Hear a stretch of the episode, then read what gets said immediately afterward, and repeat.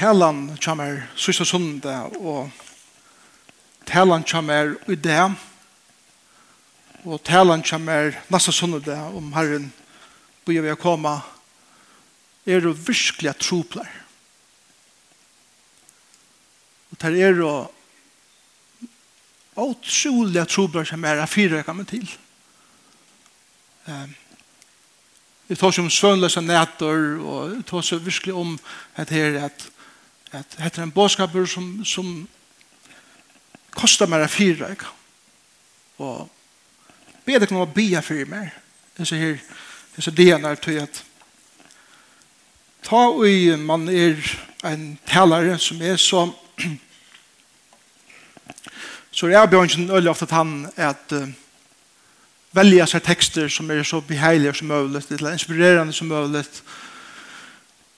Men, men tar man vel her ta matan at tala på at man fer i jøkken røyer, man fer i jøkken tekster, så krever det eisende til at vi først reker man tekster som man helst har vilja som er fra at tala om, men som man blir nødt til at hitja bant i egene og, og tega fram.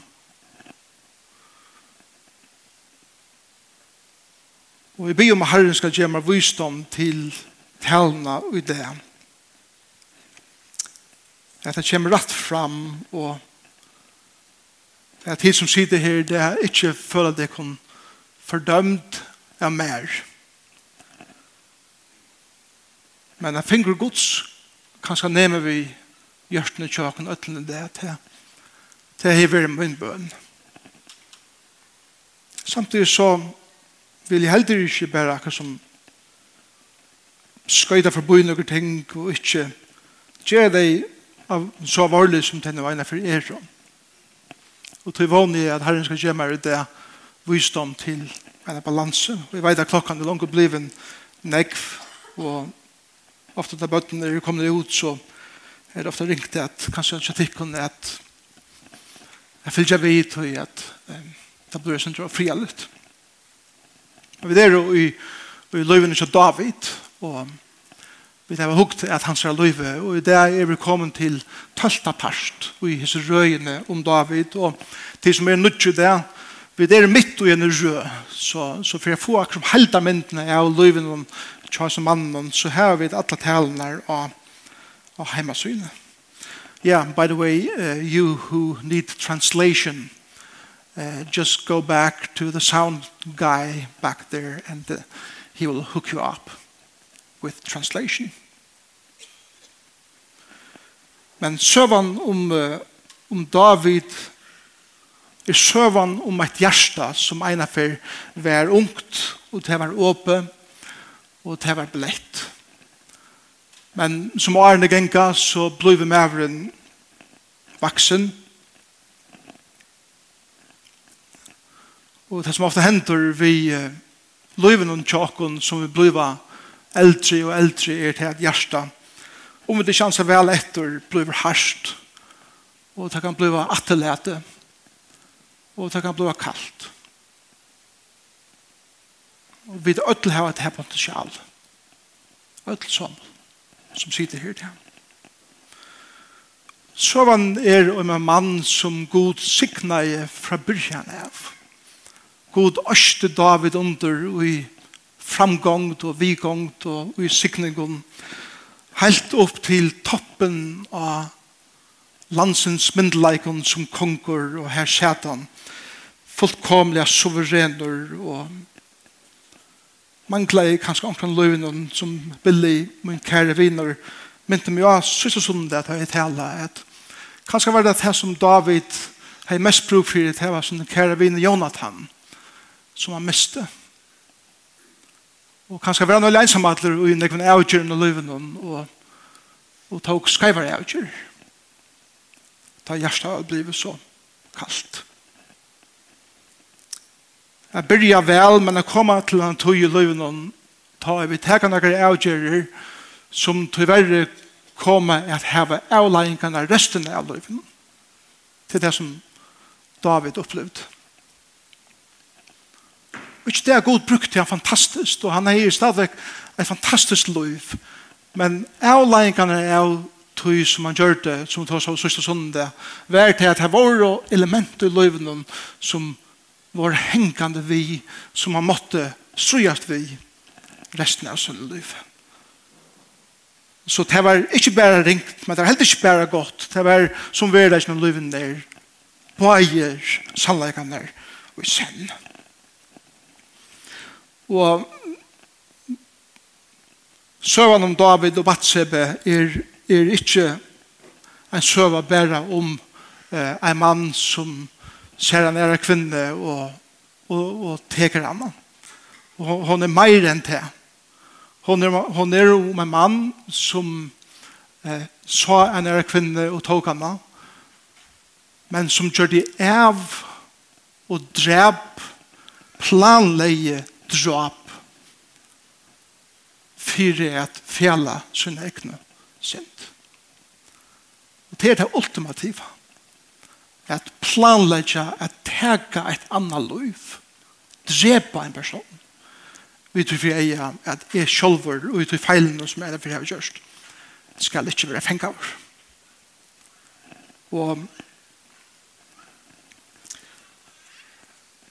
Men det er for en professorer som jeg heier, ta seg et her om, om et her, at David kanskje helt det at ånden visste jo om et her, men, men sannleggen til han er at det var flere som visste hva han gjør det, selv om han rundt i fjellet det. Men han sitt tænaren, som han spurte hver rattar, og han sier at det er døtter, eh, heldig på at Eliam, eh, men kone Uria, det er som han sier vi henne, han er kvinnan Hon hører han øren til. Og han ser hva David gjør. Joab, som var herleiere, han fikk brevet fra David. Og han tog disse tvei tvei sammen. Ta og han kommer hjem og knapplega så er Batseba blev en parser av hushalden til David og han vil baten og, og han finner det brevet om at planlegg at gjøre enda av orja og så videre. Hvis det vel hva det var som David gjør det, men David sier omgang du et år om det. Inntil kapittel 12 og jeg er samvannsbok. Og derfor vil jeg lese nå. Under samvannsbok kapittel 12. Lort du bare vel etter som, som leser teksten og til som har bøyblina vi, eller annet telefonene til det velkommen et fylkja vi. Nå er forresten et godt argent. Onker heldur kanskje 12 til 14 måneder i djinkene nå fra tog at hendingen er at Uria var drypen til nå at Nathan profeter kommer og tar seg vid David. Vi leser fra første verset. Herren, sier, Herren sendte Nathan til David. Ta og han kom inn til hans herre, sier han vi ham. Og nå er det lykkende han får fortelle. Tvær menn var i en boje. Anna var ryker og hin fatakur. Hin ryker hei mangt av småfeie og neidon. Men en fatakur åtte ønske utan eit lytelamp som han hei kjept og født inn Det vaks opp til honom saman vi bøttene hans herre. Det at jeg breie hans herre, drakk ur bikar i hans herre, hans herre, og la ui fengje hans herre. Og var honom som døtter. Men Ta i hin rujje mævren eina fyrir fikk gest, tykti honom om ikkje fyrir at tega av småfæg eller neitun synun er seda fyrir fyrir mannen og kommer til hans herra. Nei, han tog lamp hins fataka manns og borra det vi tog fyrir gesten og jo nei finnje. Ta vær David spinnande ytlur inn og henda mann og sier vi Nathan, så satt som herren livet han mæver og i hetta gjørte Han skal læra liv, og lampes skal han bøta fyra falt atter, tog han bær seg så et, og vuste ikkje miskun. Akkurat her tid, luste David sin egna dom. Legg meg ikke til hva Nathan nå sier, vers 6, men Nathan sier vi David, to er smaveren.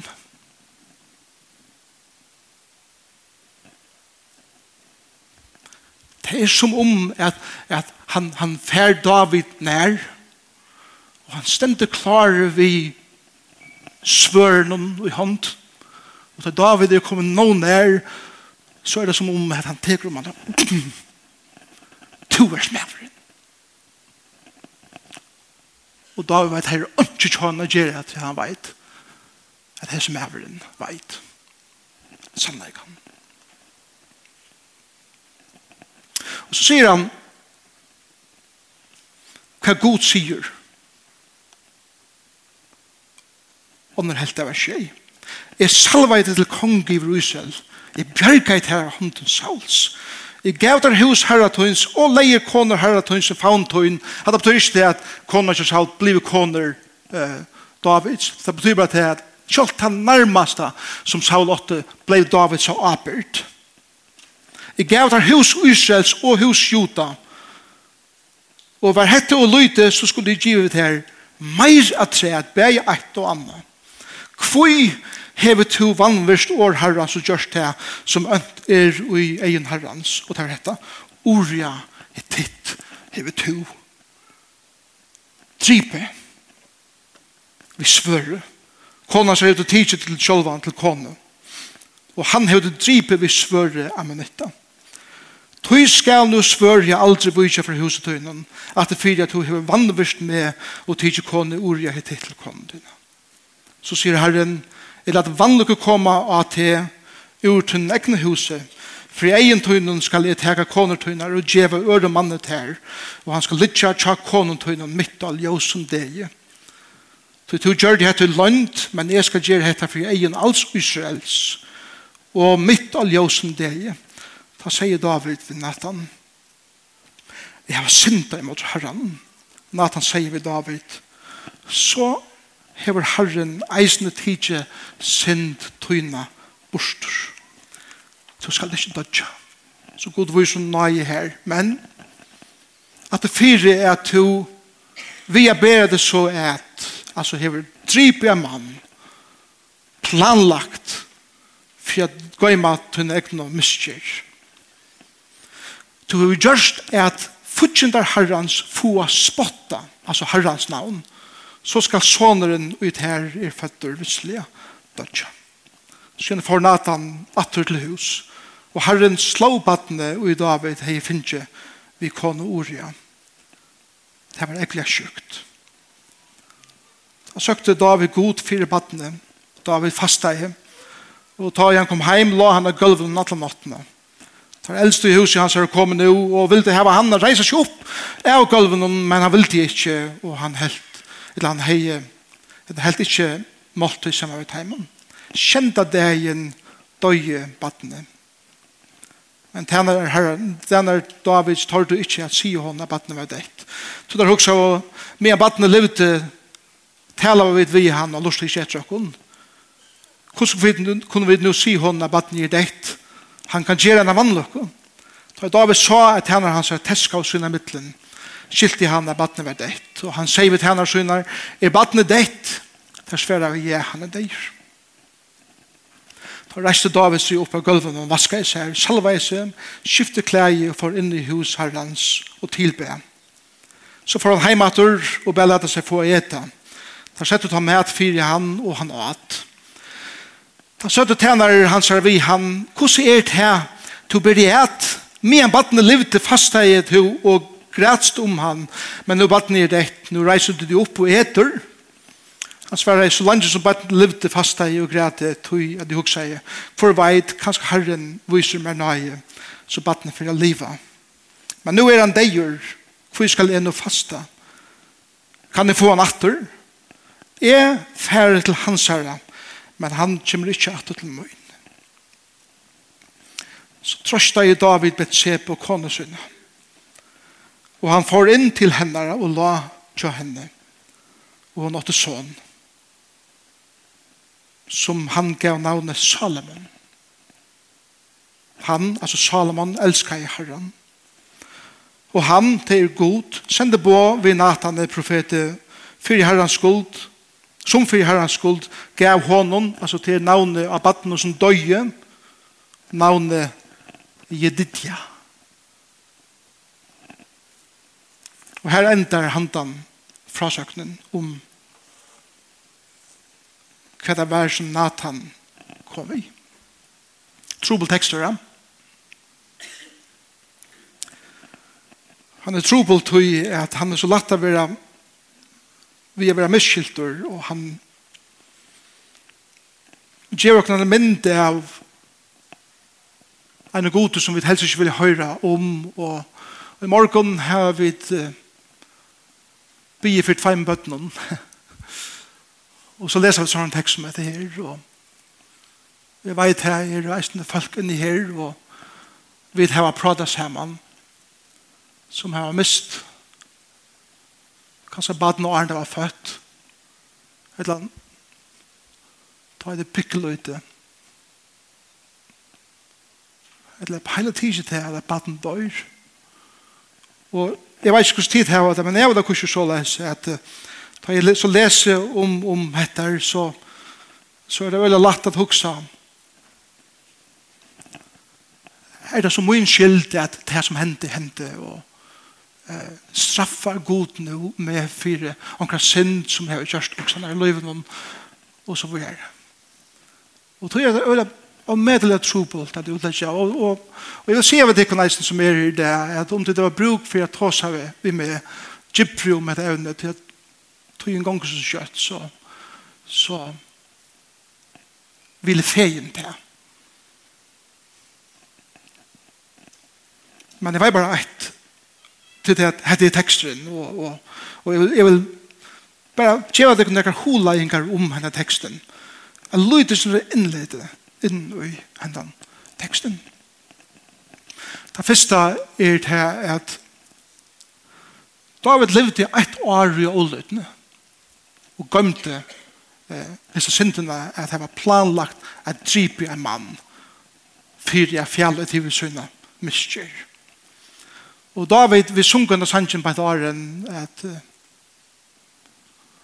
som en av en av trus hver han bier til herren Og i det salmen om, som en av trus leser han til vi kommer hjem, her sier vi noen ting, at han, han tar seg om at hvordan dette året har vært fire med.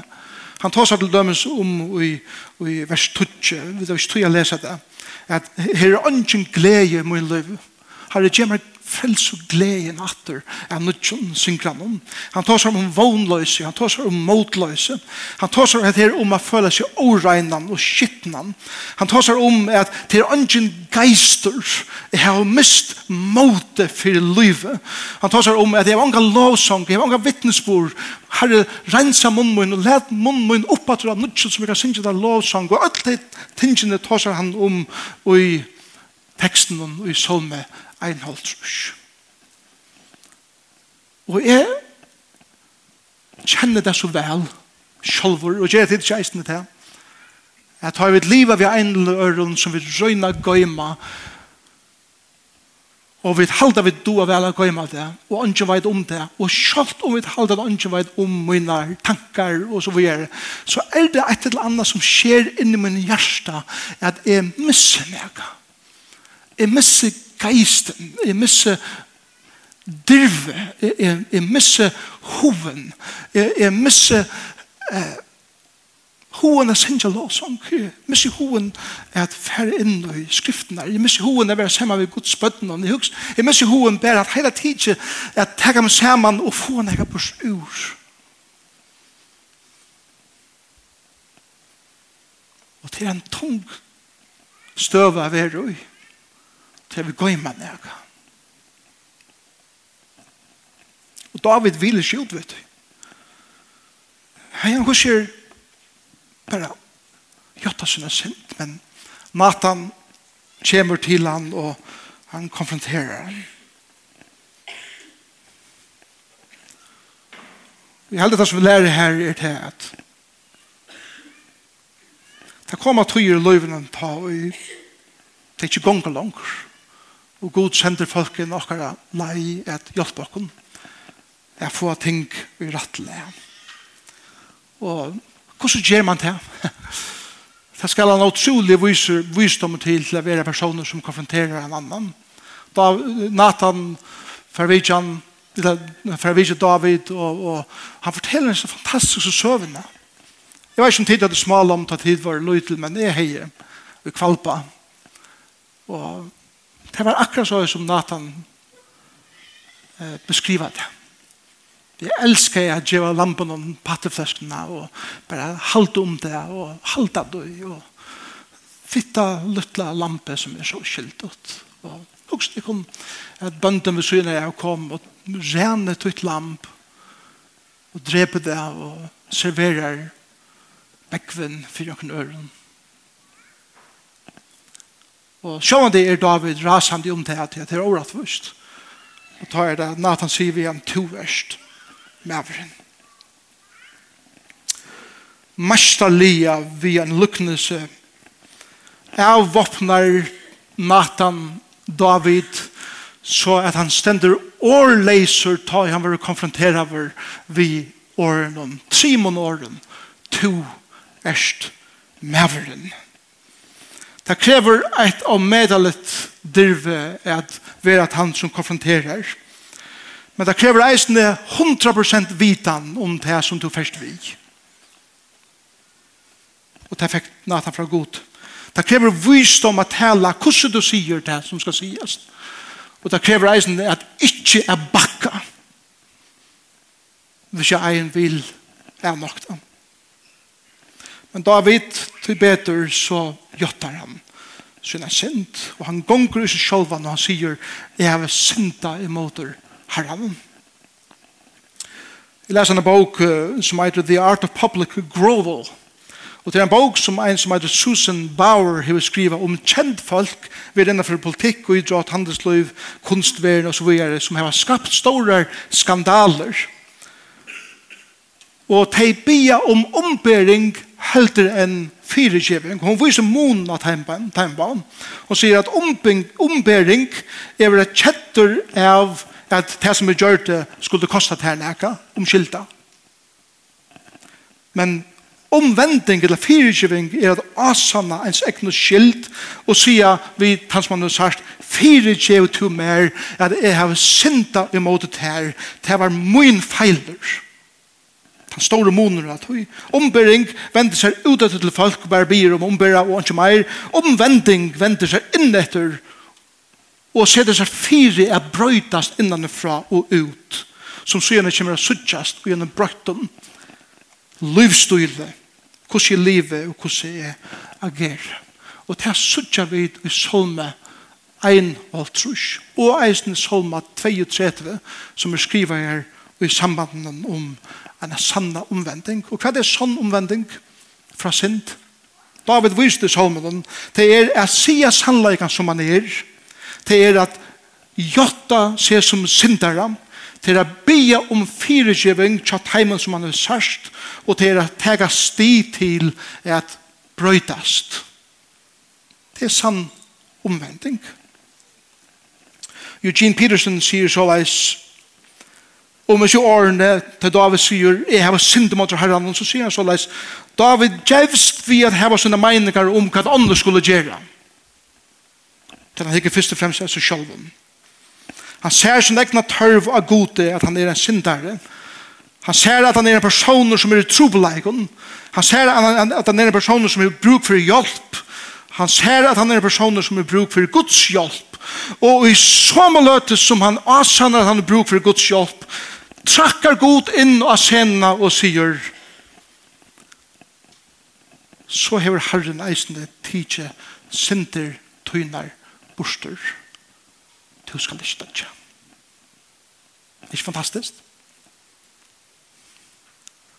David åtti å dødja han gav sin egna deg av dem men god sier jeg skal spæra tøyt liv Jeg hei så innelige yngste teksten enn det her. Og David var vågjere, og dette var ordna, og så var alt godt. Og det er nekka taler i rundt her forresten. Eisen fra mer. Men teksten løy meg ikke at bare stekke her. Jeg må eisen teka her sier tingene vi. Og nasta sundag, for jeg tar seg mer om David som familiemann, Og det er ikke at jeg tar seg om badene. Stakkars baden. Som døy. At det er omedelig at høre først. Og henda løtan som er bare nå, er hvert år som jeg sier kan være miskjelt. Og, og jeg kan gjøre en skrive mynda av hvor god det er, boa veier, Biefirmer som er ferdig jøkken etter sørsta. Så det er det første det er tar først tid. Det første som jeg vil si er etter nekvar tøymer i bøn og i gransking om det her og lise hev av imenskon til åkken, og så vi er som tås om etter her og eisen jeg tås av i min nærmeste om etter her. Så vil jeg si at det første er etter at hendan hendingen er ein eingengs hending. Hette er ikke et prinsipp for hva hender hver jeg fyr. Er det vi? Hette hender David. Hette betyr ikke til at så hver jeg fyr onker hver gjørst denne rævlig synd som du dømes at drepe onkeren så fyrt jeg alltid være såleis jeg så straffar god til vi at teka et baden. Jeg halde at størsta grunden for at jeg sier til er til at da i Lærersvannen kom til Jesus og spurte han om blinda mannen, er det hans er synder eller synderne som foreldrene til honom? Og Jesus sier, nei, nei, det er ikke vi til å gjøre at han er blinder. Tøy er det som om at det er viktig at det er sånn her som en engangshending som David eh, måtte loja. Hette er ikke straff, hette er tikt. God elskar sonen og han tiktar, eller tikta sonen og han elskar leser vi om i Hebreabranen. Men samtidig er sannleggen tann. At løyga mykje i akkurat løyve om det som er gjerri skreift, om det er en så ekvislig rævlig gjerri som, som David gjør det, at planlegge et mår, eller om det er nekka minne, så lærer skriftlokken pura greit at vi hesta det som vi så, Og innhestingen av det som vi så rekar øyelig ofta flere enn bæra med sjølvan. Min synd hever alltid avverskan av ånder rundan om meg. Og det er ofta pra prater vi folk. Og anker sier vi meg at det rekar ungan ångan hvordan jeg er livet. Og svære ikke mer er kanskje heldig til det. Men jeg kan visse det fire at det reker flere enn bare til sjølven.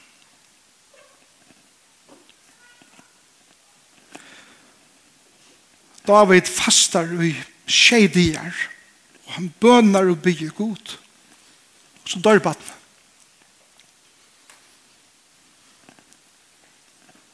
Og han reiser seg opp, og han eter, og han vaskar seg, og han fyrer inn i tempelet eller i tabernaklet som han er reist sjolver god og er tilbyr han. Jeg råkner vi, men jeg vet ikke teksten sier det ikke, men jeg råkner vi at her skriver han Salm 2 altrus nei, Salm 1 altrus eh, herre fyrtjø til meg og rensa meg.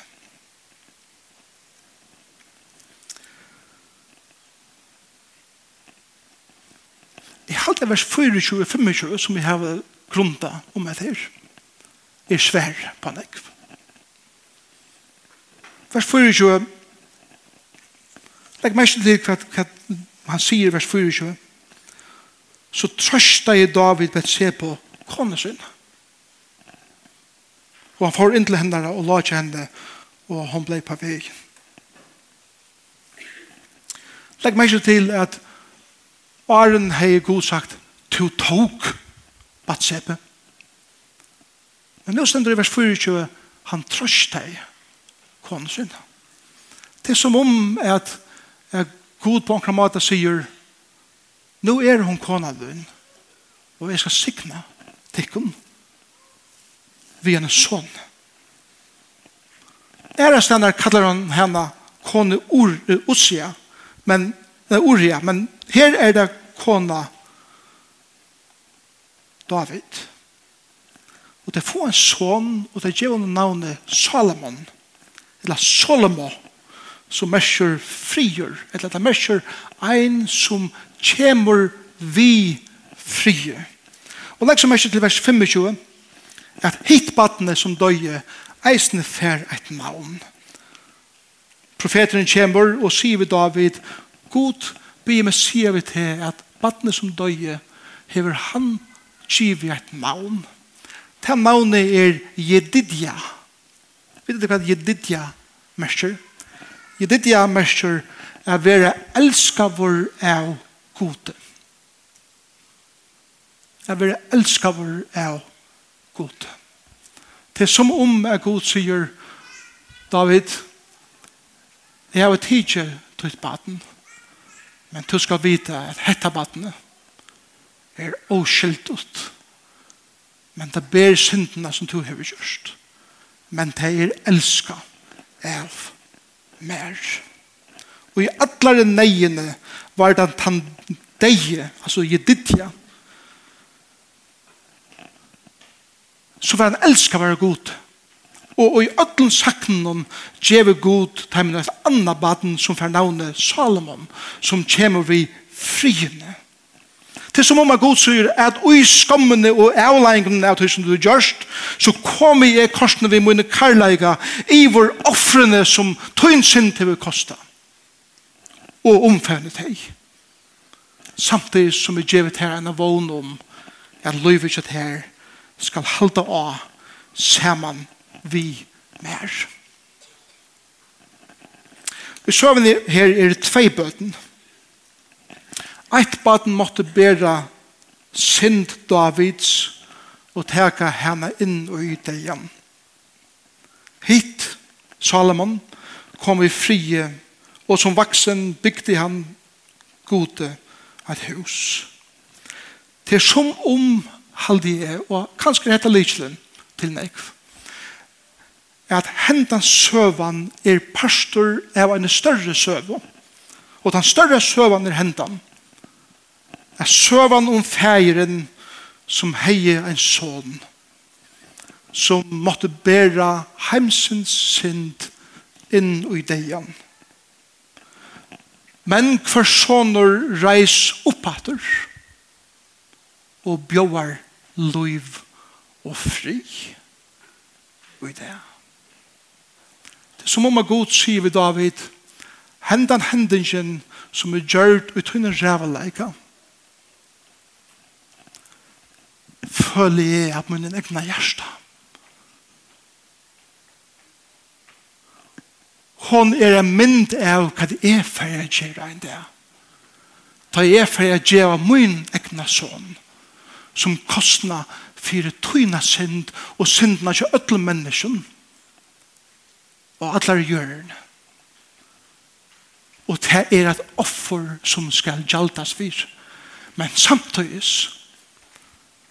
skal jeg djeva fri og liv til deg som hava kosta mer slika synd.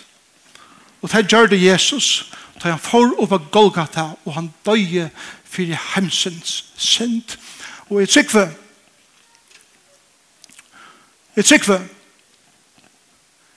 at ta og Jesus sier til fullgjørst av krossen så døg han ikke bare for heimsens synd, men det trygg vi eisende at han døg for nekvar av heimon avleggingen som vi hadde skulle båre for okker ekven synder, hei han ikke døg.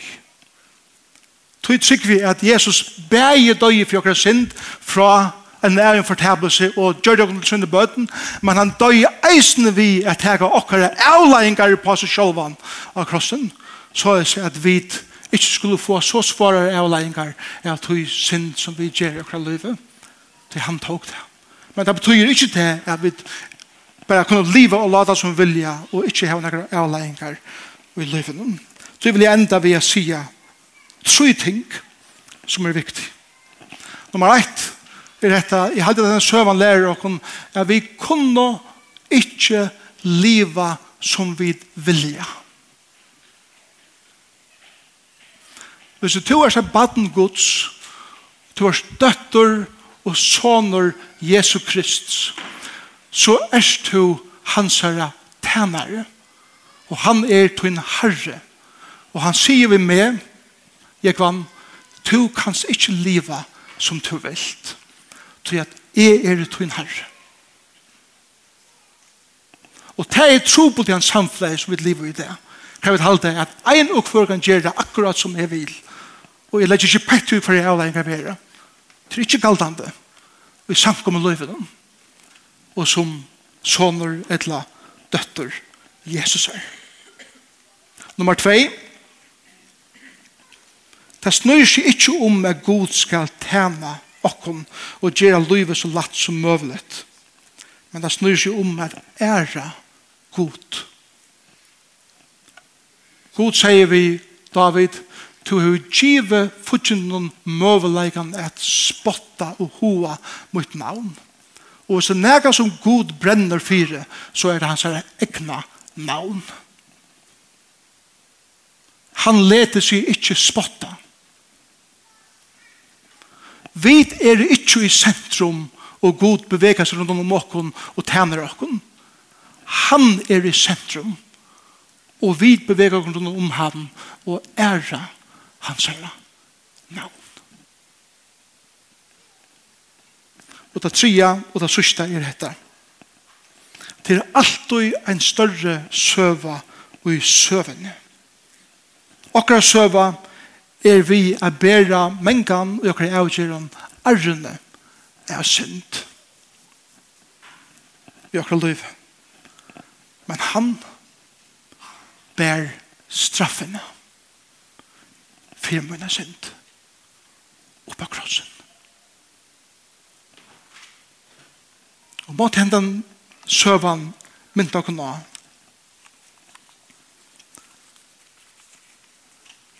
at David er stadvekk en maver som er kallar maveren etter Guds ekna hjärsta.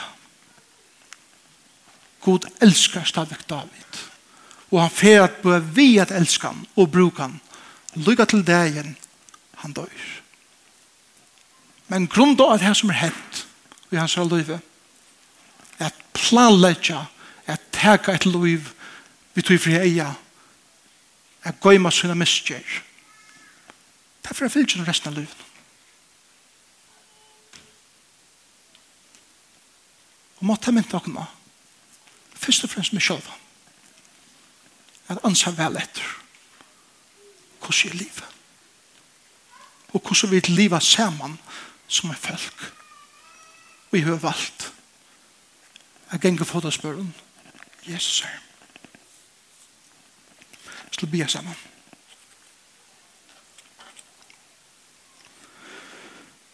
Herre, vi vet Jeg ønsker først å takke deg bare for det at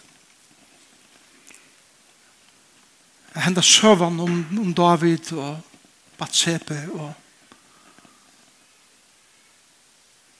og badene var en engangshending. Og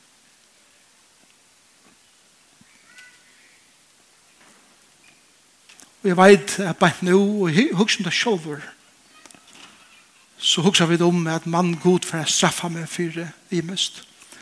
Og tog jeg ikke takka deg, Jesus, for at du har tidlig straffene opp av krossen. Men vi da sanna at som bøttentøyne og du elskar, så leder du ikke synd for å forbo i akkurat liv.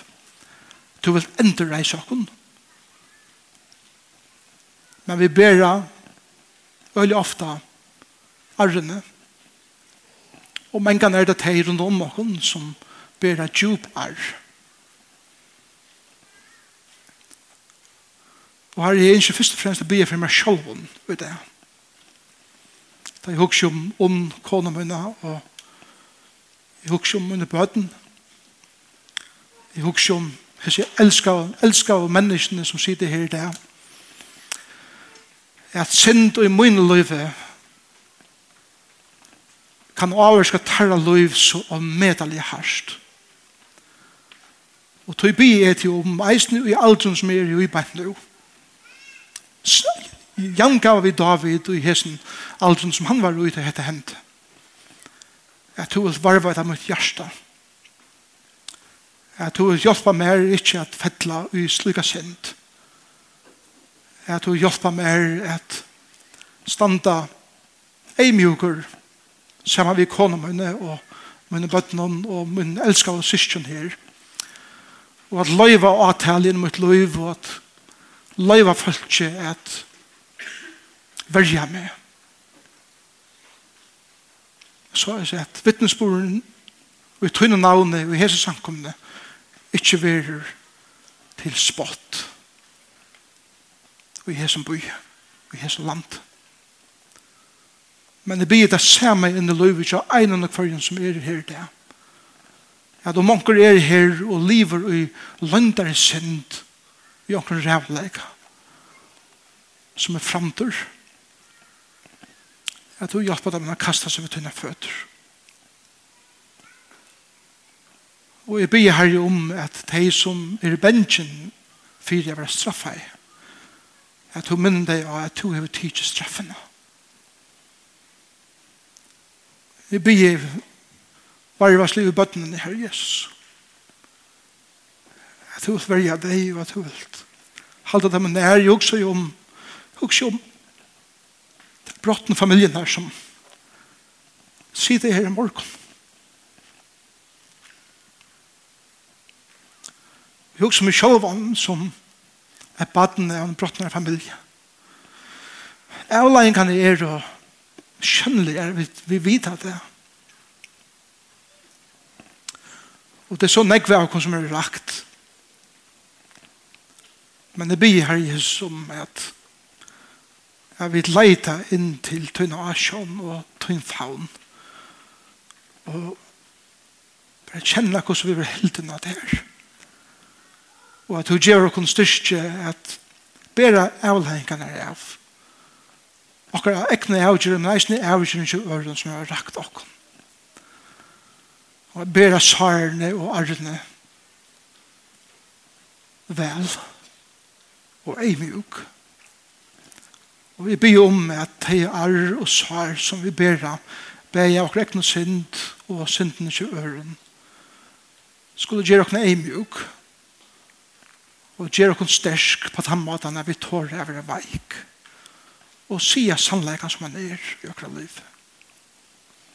Men jeg tar ikke det for at livet og David er ikke livet enn og to stadvekk som vi deisne for å lære i kommande vikon gjør det utrolig ting i jøkken hans liv. Og jeg tar ikke det for at det er verset i Nødvendighetsmentet som sier at David var en maver etter ekne, tunn ekne hjertet Takk fyrir den vittnesbøren som han fer. Og i øtlom, rådgjønnen, av skreiven av kjøren. Takk for denne nøy Og takk for den heila leika. Og hjelp åkne suttja og vira til den heila leika. Enn meir. Amen. Amen.